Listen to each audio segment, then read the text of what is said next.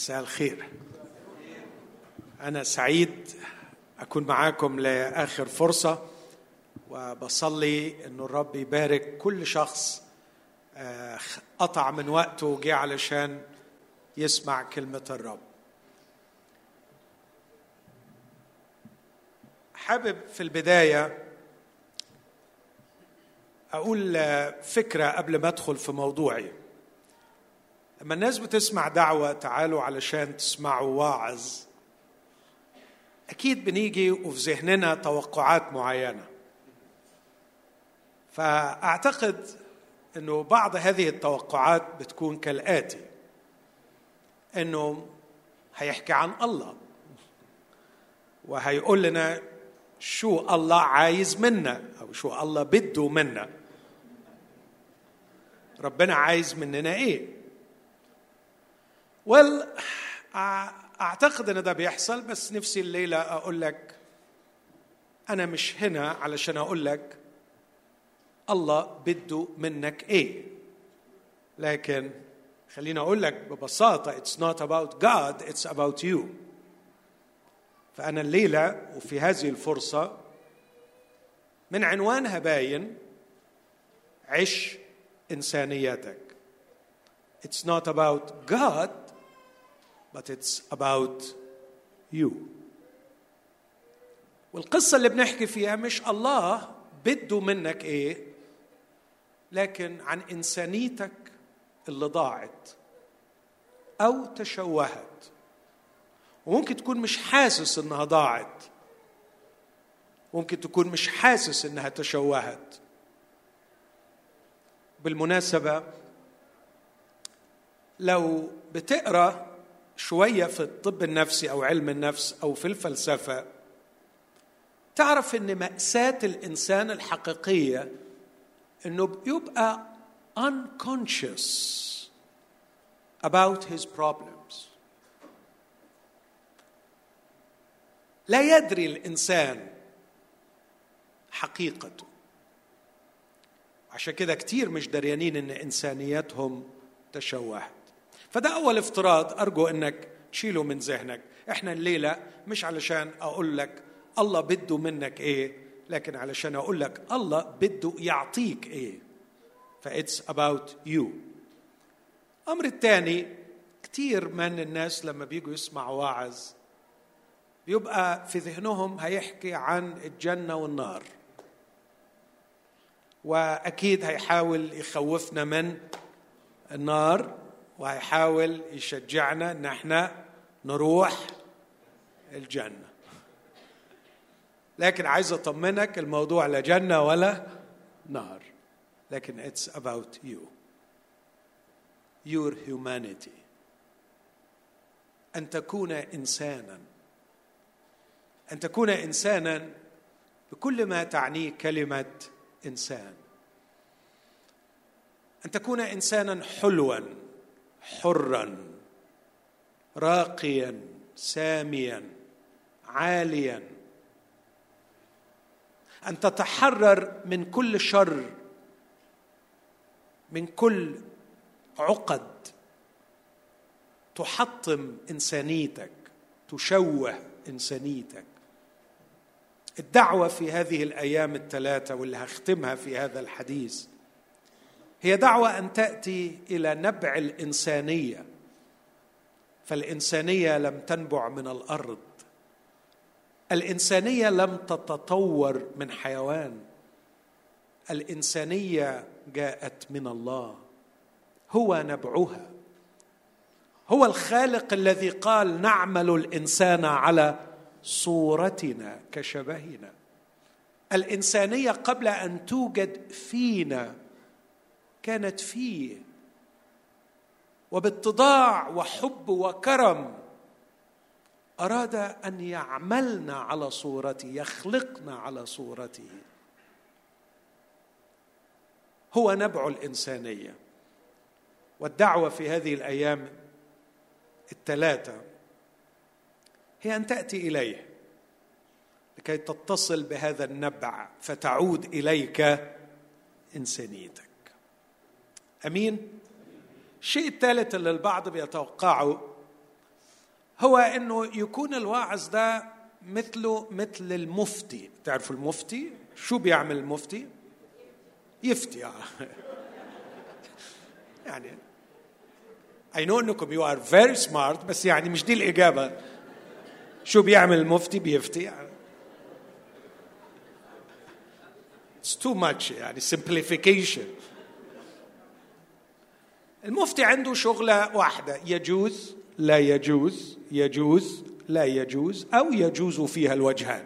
يعني هي دايما بترسي على كده. فالبعض بيتصور إنه لما يروح يسمع واعظ الواعظ يقول له هذا حرام هذا حلال هذا يجوز هذا لا يجوز. ما فيك تعمل هيك فيك تعمل هيك. لكن أرجو إنك ما تتوقعش مني اطلاقا إني أفتي في أي شيء. فأنا لست بمفتي. ومش دعينك علشان نقول لك إيه هو الحرام وإيه هو الحلال. لأنه في الحقيقة المسيحية أرقى جدا من مسألة حرام وحلال. وفي الواقع التاريخ كله بيشهد إنه فكرة الحرام والحلال ما كانتش قضية كبيرة. من أيام امنحتب المصري من أيام حمورابي العراقي من أيام القدم من أيام الصينيين القدماء والناس بتقدر تعرف إيه الصح والغلط. مش المشكلة نعرف الصح والغلط. المشكلة إن بنعرف الصح وما بنقدرش نعمله. وبنعرف الغلط وما بنقدرش نبعد عنه ونبطله. فالدعوة الليلة مش حرام وحلال. لكن الدعوة الليلة من أين آتي بالقوة الداخلية؟ من يعيد لي كياني الاخلاقي في الداخل؟ من يخلق في في الداخل كيانا أخلاقيا راقيا؟ يجعلني أرى الصواب وأستطيع أن أفعله. ويجعلني أرى الخطأ وأستطيع أن أبعد عنه. قوة حياة في الداخل. المسيحية ليست جنة ونار. المسيحيه ليست إله يجلس في سماء يا حرام ناقص له شوية عباد فبنشجع الناس ونقول لهم تعالوا اعملوا معروف يعني أصله هو غلبان فوق محتاج ناس يعني يعبدوه فاعملوا معروف يعني رقوا لحاله واعطفوا عليه وأتوا إليه لكي تعبدوه. لا مش ده الإله اللي في المسيحية. الله في المسيحية ليس هو الذي تعالى تعالى تعالى ويحتاج للبشر لكي يعبدوه. الله في المسيحية تنازل تنازل تنازل وأتى في صورة البشر ليخلصهم من ذلهم وخطيتهم وبؤسهم. لقد رآنا أمواتا بالذنوب والخطايا فأتى لكي تكون لنا حياة. ويكون لنا أفضل to have life and to have it abundantly. أن نحيا ونحيا بوفرة يدفق فينا الحياة فنخلص من الموت من البغضة من العنف من الظلم من النجاسة من الطمع من الشهوة. الله في المسيحية ليس الإله الذي تنقصه عبادة فندعو الناس له لكي يعبدوه. الله في المسيحية لا ينقص شيء بل هو فائض في الحب فأتى ليسكب حبه على البشر. هكذا هكذا أحب that much هكذا أحب الله العالم حتى أعطى بذل ابنه الوحيد. بالحب أعطى. كي لا يهلك كل من يؤمن به بل تكون له الحياة الأبدية. أمين؟ متفقين؟ يعني الأذهان دلوقتي تهيأت أنا لا هحكي على جنه ولا نار ولا هحكي عن حرام ولا حلال ولا هحكي عن إله ناقص عباده بندعو الناس لكي يعبدوا لكن it's all about you. أنت هو غرض السماء. أنت هو موضوع محبة الله. أنت يعرفك باسمك يعرفك باسمك ومشغول بيك. ويذهب لأجل الواحد الضال حتى يجده. أنت وأنت موضوع مشغولية الله. بيحبك بيحبك. وشريط حياتك كله قدامه. كل صفحات أيامك مكشوفة لديه. وعارف إمتى اتوجعت وإمتى بكيت وإمتى اتذليت وإمتى أخطيت. ولا شيء يخفى عن عينيه ولا شيء يفقد من ذاكرته.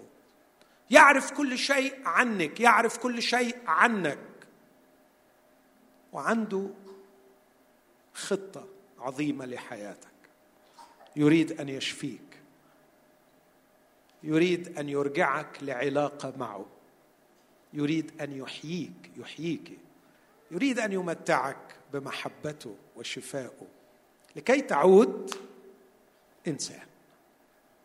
فتستعيد إنسانيتك. أمين؟ واضحة الفكرة اللي عايز أوصلها؟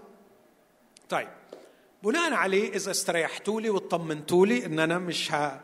مش هاخدكم على اخوانا وأدخل في الحرام والحلال والسماء والنار.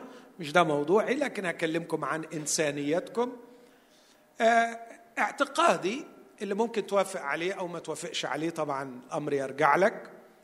اعتقادي إنه البشر في القرن العشرين آه ارتكبوا جريمة كبرى في حق أنفسهم. هذه الجريمة الكبرى هي أنهم استبعدوا الله من أذهانهم بحماقة بغباء. تصوروا أن العلم تصوروا أن التقدم سيجعلهم في غنى عن الله.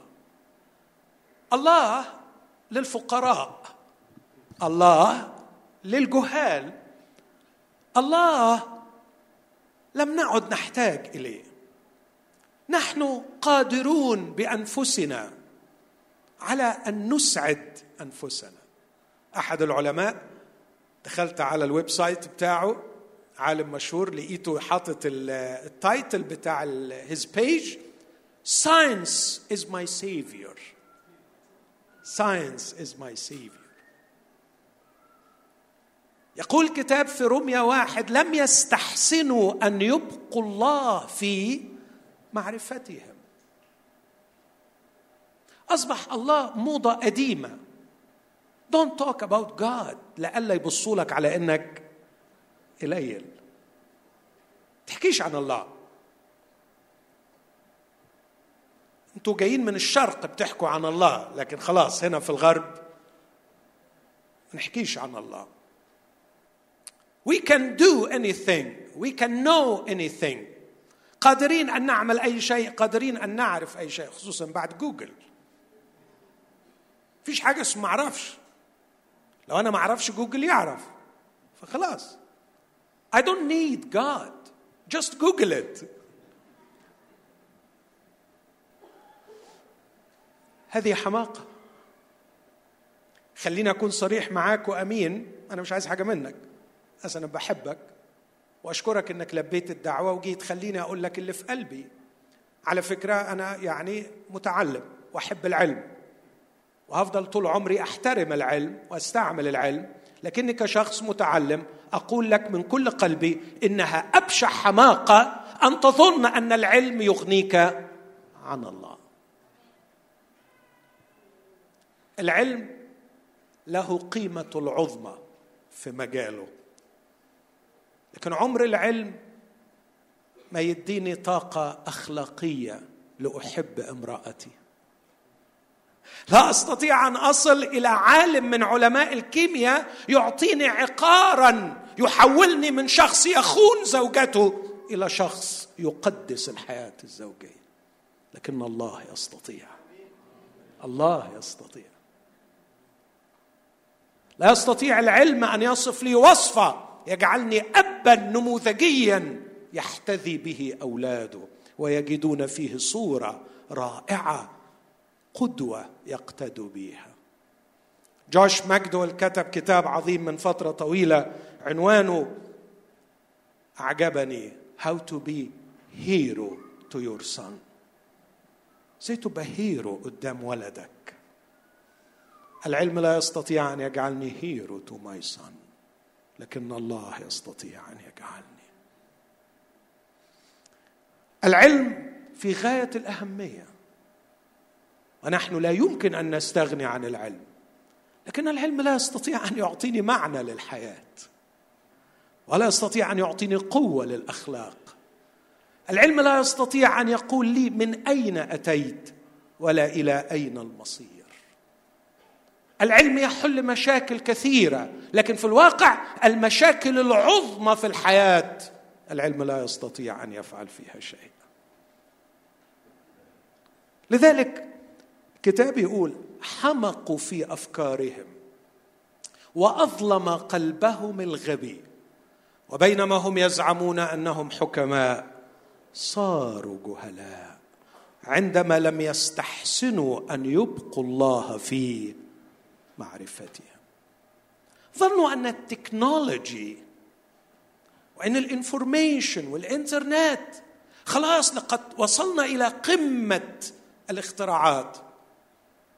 لم نعد نحتاج إلى الله. وهم لا يدرون أنهم بحماقة يوم استبعدوا الله من الأذهان كانوا يخسرون أثمن ما يملكون إنسانيتهم. لقد امتلكنا الطيارات. وامتلكنا أفخم السيارات. وامتلكنا أروع وسائل الراحة في البيوت. لكننا خسرنا إنسانيتنا. حد موافقني على الكلام ده؟ 1892 فريدريك فيلهام نيتشه الفيلسوف الألماني أطلق هذا الشعار God is dead. الله مات. مات الله. وهو نفسه تنبأ أنه عندما سيقتنع الناس بفكرته المدمرة أن الله قد مات سيدخل البشر إلى حالة من الفوضى المرعبة. فوضى مرعبة. يمكن أقدر أقرأ لكم حاجة أثناء الحديث. لكن خلوني أقول لكم يا أحبائي في القرن العشرين أنا في 1999 كتبت كتاب وكان أحد فصول هذا الكتاب عن حجم التطور العلمي والتكنولوجي الذي حدث في العالم في القرن العشرين. وذكرت في بعض الإحصائيات. على سبيل المثال ذكرت إنه في القرون الماضية كان اختراع واحد زي اختراع مثلا الساعة أخذ أربع قرون من تاريخ البشر. في قرون مرت كل القرن يمضي لا يحدث فيه إلا اختراع واحد. مثلا في قرن من القرون القرن الثامن عشر كل اللي اخترعوه فيه القلم الرصاص. القرن التاسع عشر كل الاختراع اللي فيه السرنجة الطبية. النهاردة في القرن العشرين مش كل عقد بيتغير شكل الاختراعات لكن وصلنا في الفترات الأخيرة إن كل سنة أحيانا شهور كل ست شهور. كم الاختراعات رهيب كم العلم مرعب. النهارده ما عدناش نذاكر طب من textbooks لأنه خلاص الكتاب اللي صدر من سنتين النهارده بيبقى قديم ما تقدرش ترجع له العلم عمال يتغير. ومن الجانب الآخر اسمع الإحصائية دي في كتاب حرب بلا نصر لريتشارد نيكسون رئيس أمريكا السابق. عدد قتلى الحروب في القرن العشرين فقط تعادل عدد قتلى الحروب في التسعة عشر قرن الماضي. الحرب العالمية الثانية فقط سبعين مليون نسمة قتلوا. وقتلوا بإيه؟ بوحشية. ما تحكيليش بقى عن آكلي لحوم البشر والكلام الفارغ ده. لا روح اتفرج هتلر كان بيعمل إيه في الروس أو بيعمل إيه في اليهود. روح اتفرج. روح اسمع. روح ادخل متحف أو جوجلت واعرف. اقرأ عن المذابح الوحشية. ستالين ستالين بمفرده قتل عشرين مليون من شعبه. اقرأ عن بشاعة ما حدث في القرن العشرين. لاحظ التقدم عمال يزيد والإنسانية عمالة تنحدر. مش عارف أحكي لك إيه ولا إيه. خليني أقول لك حاجة بسيطة. الفترة الأخيرة اللي إحنا فيها دي العالم وصل إلى مستوى من التواصل غير مسبوق في كل التاريخ البشري ودي أعتقد كلكم عايشينها. يعني أنتوا دلوقتي لو لو لو أنت من جيلي طبعا بكلم الرجال يعني الستات كلهم صغار السن أنا عارف لكن لو أنت من جيلي كنا زمان لما كنت أجي أمريكا وده حصل حقيقي. وبعدين أحتاج أكلم مراتي شغلانة عشان أكلمها في التليفون. ولما كنا في مصر بقى اللي من مصر هنا يعرف الحكاية دي كنا نروح السنترال ونطلب المكالمة لأمريكا ونروح البيت وحلني على لما تيجي المكالمة ويا جت. يا ما جاتش لكن النهارده all people are connected at the same moment. صوت وصورة. فاكرين زمان؟ أنا أتذكر جيدا يوم ما قالوا ممكن التليفون تشوف فيه اللي أنت بتكلمه يعني حسيت إنه بيسرحوا بينا يعني. تعرفوا النهارده بيحصل حاجة؟ لما حد من ولادي ممكن يسرح بيا بصدقه. فاهمين يعني إيه بيسرح بيا؟ يعني لو مسكك العيل وقال لك يا بابا مثلا ممكن أنا شفت كرسي بيطير في الهواء والناس قاعدة صدقوني ممكن أصدق لأنه خلاص ما فيش حاجة بقيت مستحيل. تعرفوا أكتر زمن يشعر فيه الناس بالوحدة هو الزمن اللي إحنا فيه. واخدين بالكم من الايروني هنا؟ يعني كل الناس متشبكة ببعض وكل واحد شاعر انه وحيد وحيد وحيد. الزمن اللي إحنا فيه أكتر زمن صدرت فيه كتب وقامت فيه ثورات ونادى فيه أساتذة الجامعات بالحريات. أكتر زمن الناس عايشة فيه عبيد لمئات الأنواع من الإدمانات هو الزمن اللي إحنا فيه. قدموا للبشر رفاهية وسلبوا منهم الإنسانية. أراحوا أجسادنا وسرقوا منا إنسانيتنا. يا للهول وتحت مخدر راحة الجسد وتحت مخدر أوهام التكنولوجي وتحت أوهام التحضر والثقافة صرنا أشباه بشر. نأكل بعضنا بعضا. عنف قسوة غيرة حقد ظلم شر ذبح تطرف إرهاب ضاعت من البشر انسانيتهم لكن الخبر اللي بننقله بكل ثقة بكل يقين بكل إيمان في صدق الكتاب المقدس بكل يقين مبني على دليل اختباري من حياتي ومن حياة الألاف الذين أحتك بهم. الخبر الحلو مهما كنت مهما كانت ظروفك مهما تحطمت إنسانيتك المسيح الحي موجود اليوم بيننا يرجع لك هذه الإنسانية. المسيح يشفي المسيح يخلص المسيح يفدي. تعرف كلمة يفدي يعني إيه؟ فادي يعني to restore يعني يسترجع يسترجع لك انسانيتك عندي إحساس إن في ناس مش مقتنعة باللي أنا بقوله. هو it's normal يعني ما أنا أوعى تستغرب. أنا مبسوط إنك لسه متشكك. بس خليني أساعدك تصدق إن أنت محتاج ترجع لك إنسانيتك. لو مش مصدق هو إيه اللي ممكن يعني الواحد لو ضاعت منه إنسانيته؟ هيبقى إيه يعني؟ هيبقى إيه لو ضاعت منه إنسانيته؟ خليني أقول لك على حاجتين أو ثلاثة في ناس ضاعت منهم إنسانيتهم لأنهم حاولوا أن يتألهوا. عايز يبقى هو الله. له يا أخي بعد الشر أعوذ بالله يا أخي. استغفر الله. أنا لا يمكن أعمل العملة السوداء دي. لا الله الله والإنسان إنسان. طب هو عندك تعريف لله؟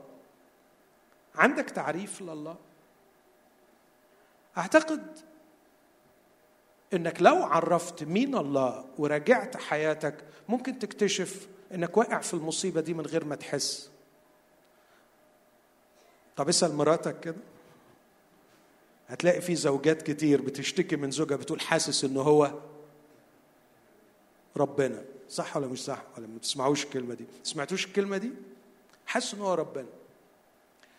إمتى الواحد يبقى شغال ربنا؟ Playing God. إمتى؟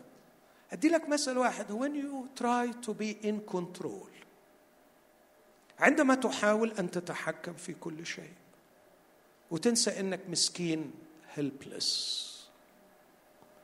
تنسى إنك مسكين عاجز ومعتمد على مليون شيء في حياتك علشان تقدر تعيش يومك. تنسى إنك لو تخلت عنك رحمة الله لحظة واحدة أنت تتمسح من هذا الوجود. لكن للأسف الكبير مرات كثيرة بنعيش حياتنا في صراع مع الواقع في صراع مع زوجتنا في صراع مع أولادنا في صراع مع زملائنا. Just to be in control. ليه؟ لأنك فقدت إنسانيتك. فبتحاول تلعب دور ربنا. لما أبقى إنسان صحيح ببقى في علاقة حميمة مع الله وهذه العلاقة تجعلني متصل بالشخص who is in control. أنا مش مخلوق to be in control لكن مخلوق لكي أكون متصلا بالشخص الذي هو in control. وده اللي بيديني الأمان. يا رب أنا لا أستطيع أن أسير الأشياء كما أريد ولا أستطيع أن أتحكم في مسار الأحداث.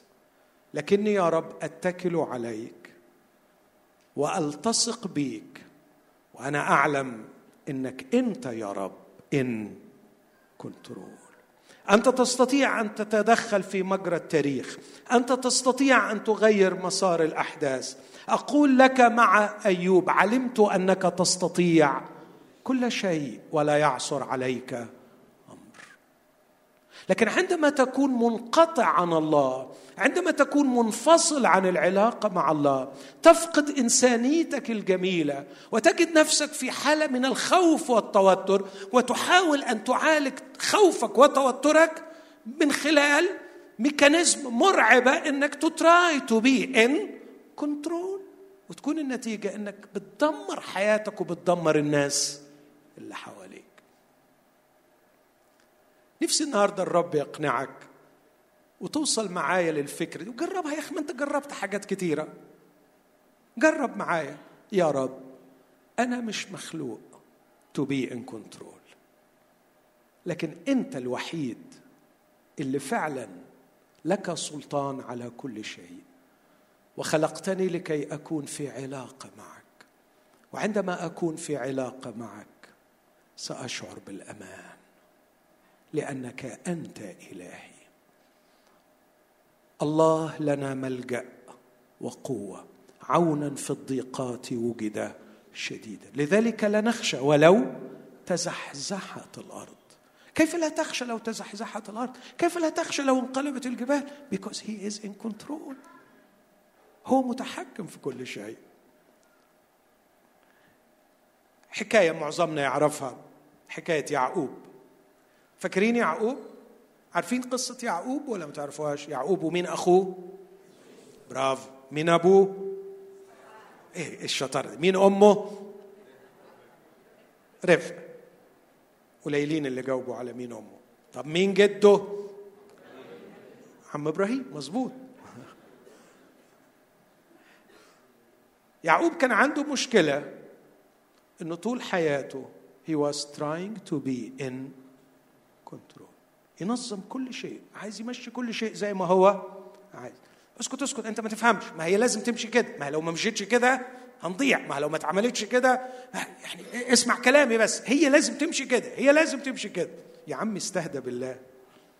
يا عم اهدى شوية. مش هتقدر تمشيها. لا لا لا لا. ما أنا لو سبتها هتخرب. طبعا أكيد حد بيسمعني دلوقتي يقول يعني عايزنا نتواكل يعني عايزنا ما نفكرش يعني عايزنا ما نخططش. لا فكر وخطط واعمل كل حاجة بس من فضلك don't play God. You are not God. You are not God. حاول تصدقها النهارده. حاول تصغر شوية وتاخد حجمك الطبيعي إنك إنسان. ولما هتاخد حجمك هتبقى إنسان. فما أدي مثل واحد. هو كان ماشي بدماغه عايز يمشي كل الأمور زي ما هو عايز وربنا بيتصارع معاه وبيقول له حبيبي أنت ما ينفعش تلعب دور ربنا سيبني أنا. أنا ربنا وأنت إنسان خد حجمك خد مكانك. مش قادر يفهم هذا الأمر. فربنا لخص لنا القصة بتاعته كلها في صورة صراع بينه وبين الله فيقول صارعه إنسان حتى طلوع الفجر. وكان ربنا بهذا الصراع بيصور لنا حياة يعقوب. يقول له يعقوب حياتك كلها مشيت غلط. لأنك كنت تحاول أن تسير الأمور ولا تسلم لله. لكن في النهاية الرب من محبته لي خلع حق فخذه. فاحتاج إلى عكاز. وكانت دي الصورة اللي ربنا عايز يقولها لنا. إننا لا نستطيع أن نعيش في هذه الحياة بدون الاستناد على الله. الله يدعوك للاستناد عليه. وعندما خلع حق فخذه قال يعقوب للرب باركني. باركني. فباركه الرب. وكانت أعظم بركة أن الرب ربط اسمه باسمه.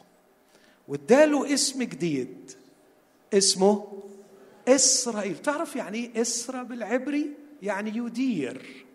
وإيل يعني الله. ففيها حاجتين. ربط اسمه باسمه يعني إحنا الاثنين بقينا واحد. والحاجة الثانية مين اللي هيدير؟ أنا اللي سأدير. هذا هو المبارك والرب يدعوك للبركة في هذا المساء. الرب نفسه يباركك ونفسه يباركك. وهيباركك يوم ما تقبل إنك تلتصق بإلهك. ويبقى الله هو المدير في حياتك وتكف إنك تحاول تكون ان كنترول أمين؟ وصلت الفكرة دي؟ لكن حاجة تاني بنضيع بيها إنسانياتنا ودي حاجة أخطر. لما بيقول عنهم في روميا واحد قال عنهم لما آه أهو عظيم. بص عدد 23 أبدلوا مجد الله الذي لا يفنى بشبه صورة الإنسان الذي يفنى والطيور والدواب والزحفات لذلك أسلمهم أيضا في شهوات قلوبهم إلى النجاسة. لغاية ما نوصل لعدد 25 استبدلوا حق الله بالكذب واتقوا وعبدوا المخلوق دون الخالق. الحالة الثانية اللي بنفقد فيها انسانيتنا أن أشياء مخلوقة نجعلها تحل محل الخالق. يوم ما تحاول تحط نفسك مكان الله وتلعب الله وتبقى ان كنترول بتخسر إنسانيتك. الحالة الثانية يوم ما انت تحاول تجعل شيئا مخلوقا يحل محل الخالق يبقى هو إلهك. اللي هي عبادة الأوثان. عبادة الأوثان اندثرت من العالم كلا لكنها عادت بصورة أبشع لكن في أشكال يعني مثلا عباده الأوثان زمان من أقصى الأشياء اللي بنذكرها عن عباده الأوثان حاجة وحشة أو نقول عباده الأوثان عباده الأوثان وحشة عباده الأوثان وحشة. ليه عباده الأوثان وحشة؟ كانوا بيقدموا أولادهم ذبايح. تعال حبيب قلبي أوري لك ملايين الأباء بيقدموا أولادهم ذبايح النهارده. تعال أكلمك عن مشاهير كثيرين قدموا أولادهم ذبح. مش قدموهم ذبائح حرفية يعني ذبحوهم. لكن عندما أهملوهم عندما انشغلوا عنهم عندما لم يكن لهم فرصة للجلوس معهم عندما لم يعطوهم من حبهم وحنانهم واعتنائهم من أجل إله الجمال من أجل الشهوة. تعال لما أحكي لك عن أباء بالمئات رأيتهم بعيني. دمروا أطفالهم من أجل ليلة مع امرأة أو دمرت أولادها من أجل نزوة مع صديق. كم تحطمت عائلات وكم ذبح أطفال نفسيا ومعنويا على مذبح إله الجنس على مذبح إله الشهوة. العبادة الوثنية موجودة لكن موجودة في صور مختلفه عبدوا المخلوق دون الخالق. السؤال هل إحنا معرضين أن نفقد إنسانيتنا اليوم؟ تاني أسأل. بأن نعبد أشياء غير الله؟ أيوه. الشيء المخيف إن الأشياء دي ممكن تكون أشياء كويسة. لكن تيموثي كيلر واحد من اللاهوتين المسيحيين الحلوين قال العبارة دي إمتى يتحول أي شيء إلى إلهك؟ وبالتالي تعبده وتخسر إنسانيتك. اسمع العبارة دي. قال when you turn the good thing to be the ultimate thing. عندما تحول الشيء الجيد ليكون هو الشيء الأعظم والأسمى بالنسبة لك. لو الكلمة دي صعبة أسهلها لك. إيه هي الحاجة؟ وأنت قاعد قدامي دلوقتي اعمل التست ده. إيه الحاجة اللي في حياتك اللي لو ضاعت منك تقول أنا ما ينفعش أعيش يوم واحد؟ فكر في الأمر ده. إيه الحاجة اللي لا يمكن تستغنى عنها؟ إيه الحاجة اللي ممكن تقول بص أي حاجة تضيع إلا دي؟ تعرف الحاجة دي؟ هي إلهك. هي إلهك. هدخل في منطقة حساسة شوية. يعني ممكن أولادي؟ آه. وأتذكر جيدا يوم ما ربنا فاجئني بالموقف ده. هل ممكن فعلا نكون بنعبد أولادنا؟ هل ممكن نكون بنعبد شغلنا؟ هل ممكن نكون بنعبد فلوسنا؟ هل ممكن نكون بنعبد جمالنا؟ تيموثي كيلر قال وهو يحب امرأته بقوة.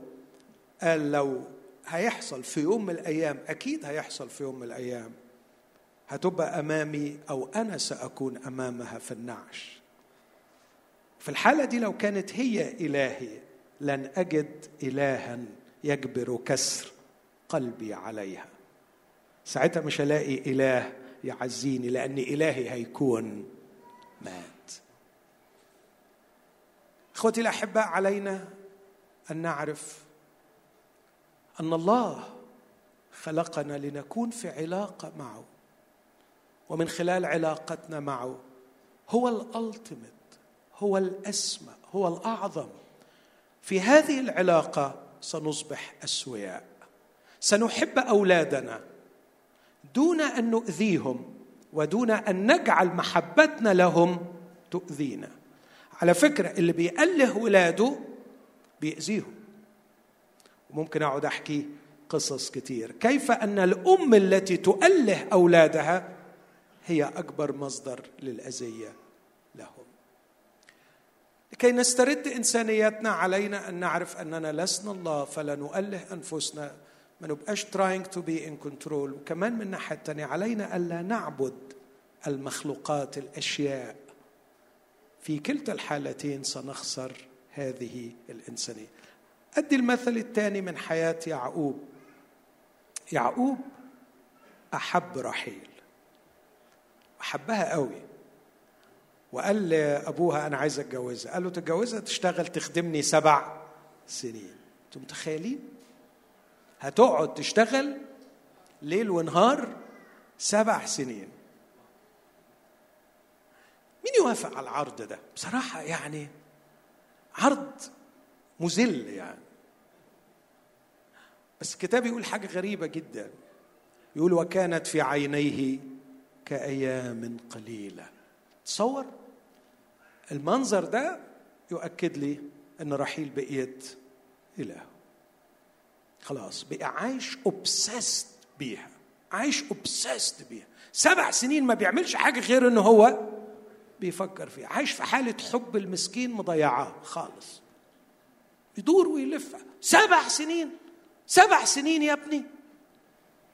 في سفر هوشع كتاب يقول عنه تعليق يقول يعقوب لأجل امرأة خدم ورعى. يعني مذهول منه إنه عاش يخدم ويعبد هذا الإله لمدة سبع سنين. وبعدين جه اليوم الموعود. خلاص خلصت السبع سنين. وفاكرين أنتوا الليلة. ليلة سودة بعيد عنكم. هذا نصيب ومصير كل من يجعل مخلوقا بدل الله. ودخل الخيمة وما لقيهاش في الصباح إذ هي دي. حتة مقلب حتة مقلب. أطمنك إنه لو دخلت في علاقة مع الله عمره ما هيخونك. عمره ما هيخدعك. عمرك ما هتروح له ويخلي بيك. إله أمانة لا جور فيه. لكن اسمع كمان. لبان قال له أصل أنت عارف الثقافة بتاعتنا والقصة. وخد رحيل. خد إلهه. واتبسط بيها. بس بعد شوية لقيها مسكينة. غير قادرة أن تشبع احتياجاته. ليه؟ هي اللي محتاجة. فراحت تمسك في خناقه وتتخانق معاه وتقول له هب لي بنين وإلا أموت. وتحولت الحياة لجحيم. مش هي دي اللي كنت هتموت عليها. وهو غضب عليها وقال لها كلمة أنا أعتقد أنها يعني مش بلا معنى. لعلي مكان الله الذي منع عنك البنين. كأنها بيقول لها بص بقى لا أنت طلعتي ربنا ولا أنا كمان ربنا. روحي شوفي ربنا أنا ما أنا أنا أنا ما أقدرش على الحكاية دي. وأنت كمان طلعتي مصدر نكد ليا بدل ما تكوني مصدر سعادة. أنا مش هطلب من حد يرفع إيده هنا لأنه موقف حساس وحرج وما أحبش إنك ترفع إيدك عشان ما تعملش مشكلة. حسيت إنك خدت مقلب بعد جوازك؟ ما ترفعش إيدك من فضلك. أوعى ترفع إيدك. مش عايزين مشاكل؟ عايزين النهضة تخلص على خير؟ لكن فاكر فاكر لا ما تسقفوش بتعمل أنا مش قاعد. أنت هتروح معاها لوحدك؟ فما فيش داعي لأي إصابات الليلة ولا لكن فاكر فاكر الأوهام اللي عشت فيها فاكر الخيالات اللي عشت فيها فاكر you made the good thing the ultimate thing. رفعت من قيمة الأشياء الجيدة وجعلتها تحتل مكان الله. عشان كده نزلت على دماغك. نكد يا حرام. أنا أعتقد أن أجمل سنين عمره كانوا السبع سنين اللي لسه ما خدهاش. لكن اللي حصل هو اللي دايما بنقوله الحلم أفضل من الخيال الحلم أفضل من الحقيقة والخيال أفضل من الواقع وكل شيء يفقد بالامتلاك. لقد صارت إلهه. بس بعد ما اتجوزها اكتشف إنها إيه خلاص اتجوز. وهي بتنكد عليه وهو بينكد عليه وهما الاثنين بينكدوا على بعض. لكن كمان كان في درس أقصى لازم يتعلمه. ما تخليش إلهك مخلوق لأنه عاجز عن أن يشبع احتياجاتك. أنت أوسع وأكبر من أن يملأ فراغك مخلوق مثلك. الوحيد القادر على أن يملأ فراغ انسانيتك هو إلهك. قديس أغسطينوس الكلمة المشهورة بتاعته يا رب خلقتنا لذاتك نفوسنا ستظل قلقه لا تجد راحتها إلا فيك. الفراغ اللي فينا أعمق جدا من أن يملأه مخلوق مهما كان هذا المخلوق. لكن كمان كان محتاج يتعلم درس تاني إنه ما ينفعش إلهك يكون زائل. أنت مخلوق علشان تكون في علاقة مع خالق دائم. محتاج علاقة مع شخص ثابت. لا يتغير ولا يغيب. كانت واحدة من صدمات حياتي ما انساهاش أبدا.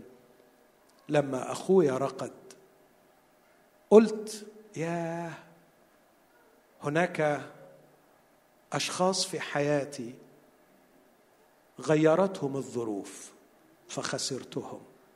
وهناك أشخاص أفسدتهم الشرور فخسرتهم.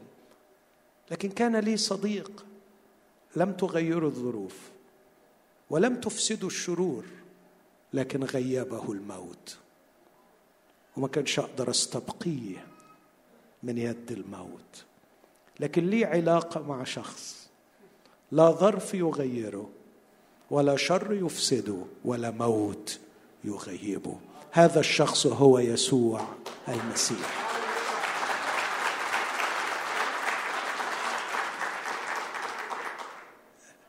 حلت المشكلة ورحيل خلفت ورجع السلام للبيت وقال لك أخيرا الحمد لله أهو دلوقتي هنقدر نعيش سعداء. هنقدر نعيش سعداء. بس هي طلعت مش ربنا. طلعت مشكلة. قالت له عايزة واد تاني. يا رحيل استهدي بالله وكفاية. أدي العيل وجبنا وجبنا ولد حلو اسمه يوسف. خلاص كفاية كده. قالت له لا عايزة ولد تاني. يعني هي تجيب بالستة وأنا يبقى عندي واحد لازم أجيب واحد تاني. ولما جيت تاني ماتت وهي تلد. ماتت وهي تلد. فكركم بحاجة لما كان عيسو جاي يقابل يعقوب يعقوب كان خايف لأن عيسو يضرب له مراته وعياله. فرتب كل اللي معاه بطريقة معينة وحط رحيل ويوسف آخر حاجة. على أساس لما عيسو يضرب يضرب يضرب ممكن في الآخر تفضل له رحيل ويوسف. عارفين مين أول حد راح منه؟ رحيل. ومين تاني حد راح منه؟ يوسف. يعقوب أنت كنت غلطان. لما حطيت وجعلت إلهك إنسان. الإنسان مش هيشبع احتياجاتك والمخلوق غير دائم.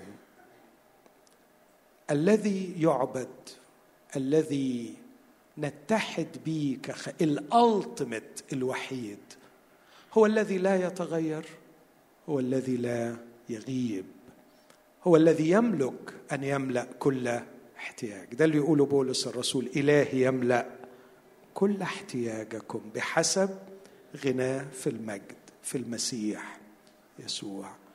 إخوتي لا أرى يعقوب إنسانا كامل الإنسانية في رحلة حياته وصراعاته.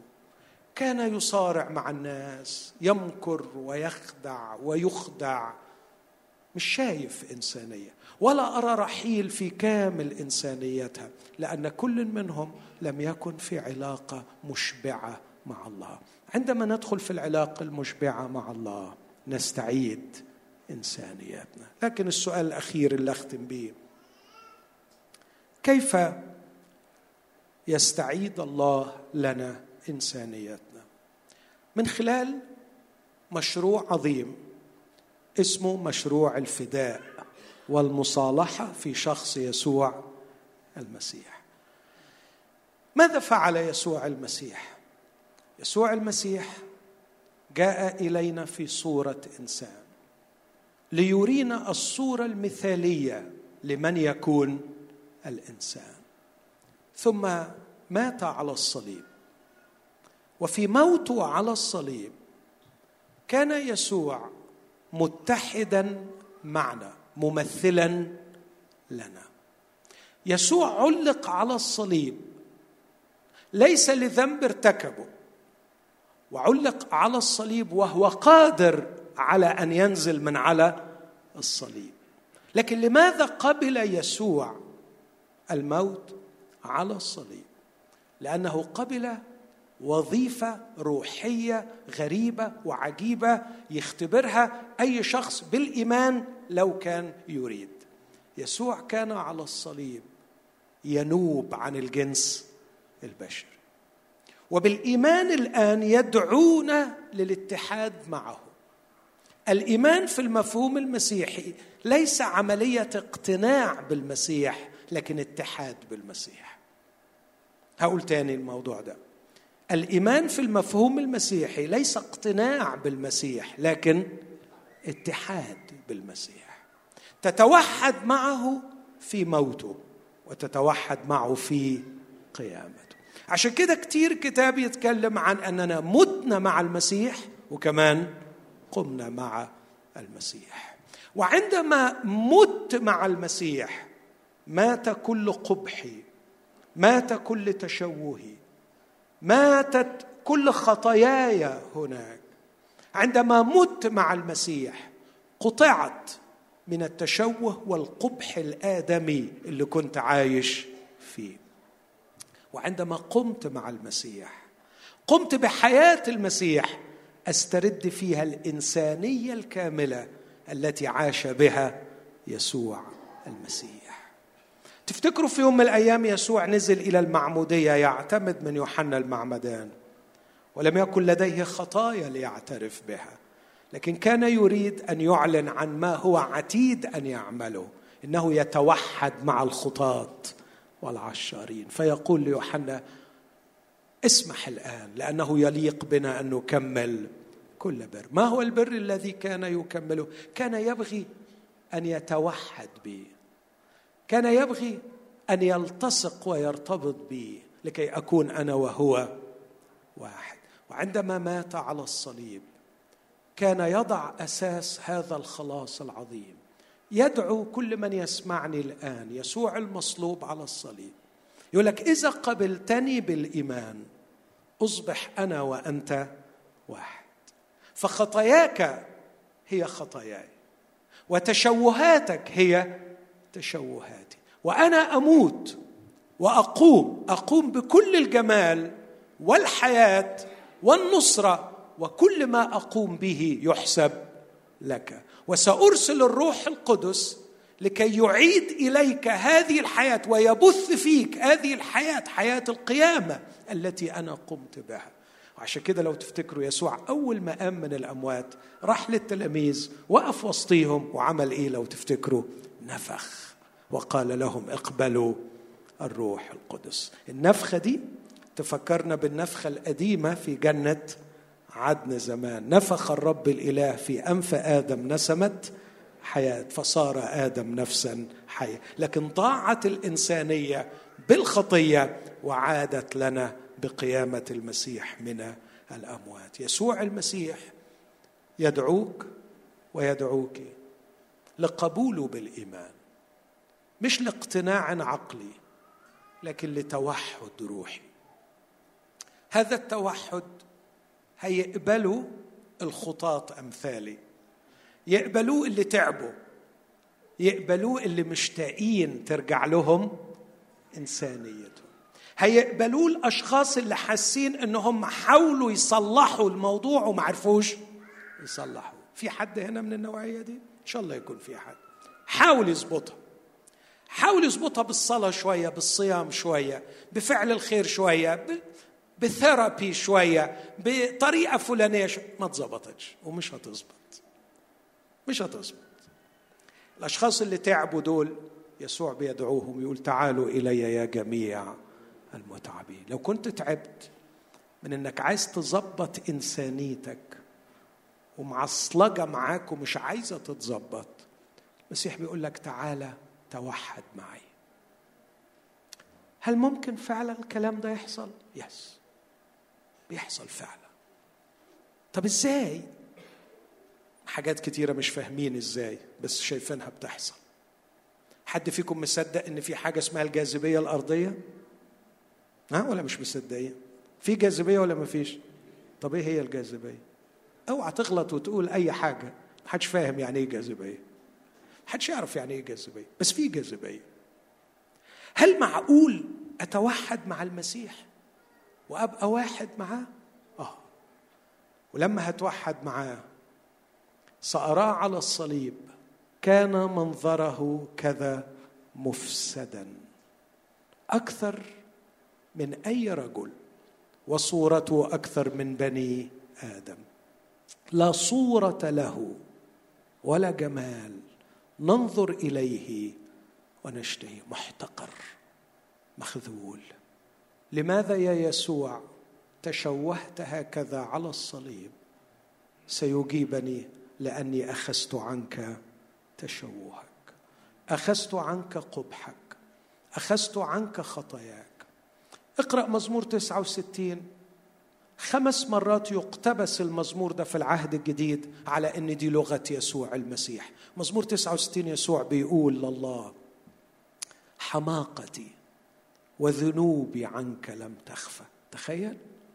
وأنا أعرف أن يسوع حبيبي عاش لم يفعل خطأ واحدا. لماذا يقول حماقتي؟ لماذا يقول ذنوبي؟ لأنه قبل أن يتوحد بي. فكل حماقتي اعتبرها حماقته. وكل ذنوبي اعتبرها ذنوب. وكل خطاياي اعتبرها خطايا. كل تشوه فيك يسوع هياخده. هياخده. وهيعتبره تشوهه وبجلدته. شوفينا هياخد عني قبحي. بس هو قادر يدخل بالقبح ده إلى القبر ويطلع من غيره. يطلع من غيره. وحصلت ولا ما حصلش؟ قام يسوع. قام بحياة جديدة. ونفخ نفخة حياة.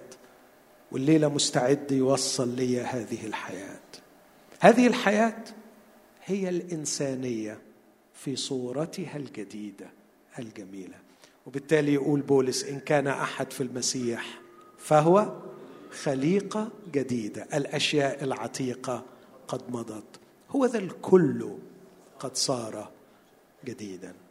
ده الأوفر اللي حلتنا الليلة بنقدمه لك. جبنا سيرة حلال وحرام. قلنا لك ربنا عايز منك تعمل كذا وكذا وكذا. لا بنقدم لك حاجة بسيطة جدا. المسيح الذي مات على الصليب يدعوك للتوحد به ليأخذ عنك إنسانيتك المشوهة ويرجع لك إنسانية جديدة جميلة عظيمة. يمكن تسأل سؤال وتقول لي طب مش ضمني بعد ما أخذ منه الحياة الجديدة دي والإنسانية الجديدة إنها ما ترجعش تاني؟ وتفسد. سؤال وجيه. هقول لك على حاجتين. على الأقل هيبعت لك الروح القدس يسكن فيك. تخيل بقى لما روح الله يسكن فيك. والحاجة الثانية هو هيقعد في العرش في السماء يشفع فيك. يقول من أجلهم أقدس أنا ذاتي. يبقى هو على العرش بيشفع فيك وروح القدوس ساكن فيك. فأطمنك مش هترجع تتشوه تاني. بالعكس ممكن تغلط ولما تغلط يبان جمالك. لما تغلط يبان جمالك. هتبقى أجمل واحد ساعة ما تغلط. تعرف ليه؟ لأنه لو فيك الحياة الجديدة دي أول ما بتغلط أوه ما بتطقش روحك. وتقوم تنتفض. ومراتك هتقول سبحان مغير الأحوال. ده كان زمان يغلط وما يعملش غير حاجة واحدة يبرر نفسه. لكن دلوقتي سبحان الله لما بيغلط بيعمل إيه؟ ها؟ بيعتذر وبيفهم وبيقول أنا غلطان. وده رجع إنسان يا ناس رجع إنسان. ده كان فاكر نفسه روحه زمان. الله لكن نشكر الله ده اتغير وبقي إنسان زي بقية الناس. أنا أطمنك إنه المعجزة دي بتحصل. وصدقيني عايز أقول لك في أجواز كتيرة اتغيروا. وعايز أقول لك في زوجات كتيرة اتغيروا. وفي بيوت كتيرة عمرت. لما قبلت الرسالة وقبل الخبر ببساطة. المسيح يسوع الذي مات وقام يدعونا لكي يغير تشوهنا وقبحنا ويرجع إلينا انسانيتنا في النزار موجود. شايفه. بجلدتك شفيت. ممكن؟ خلونا نقف مع بعض وإحنا بنتأمل في صليب المسيح يسوع. اللي اختبر هذا الشفاء يتغنى به يتغنى بشفاء المسيح. واللي ما اختبرهوش يقول له أيها المصلوب يا من مت على الصليب من أجلي. أشكرك لأنك تدعوني في هذا المساء. لأقبلك ربا ومخلصا لحياتي. صلي معايا في قلبك هذه الصلاة قبل ما نسمع الترنيمة دي ونرنمها مع نزار. يا رب أشكرك لأنك بتذكرني الليلة إن أنا ما أقدرش أتحكم في كل شيء. بشكرك لأنك بتعلمني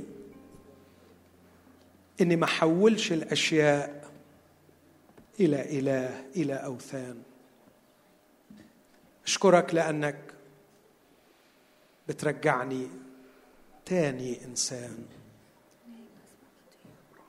اغفر خطيتي لأني استبعدتك من حياتي.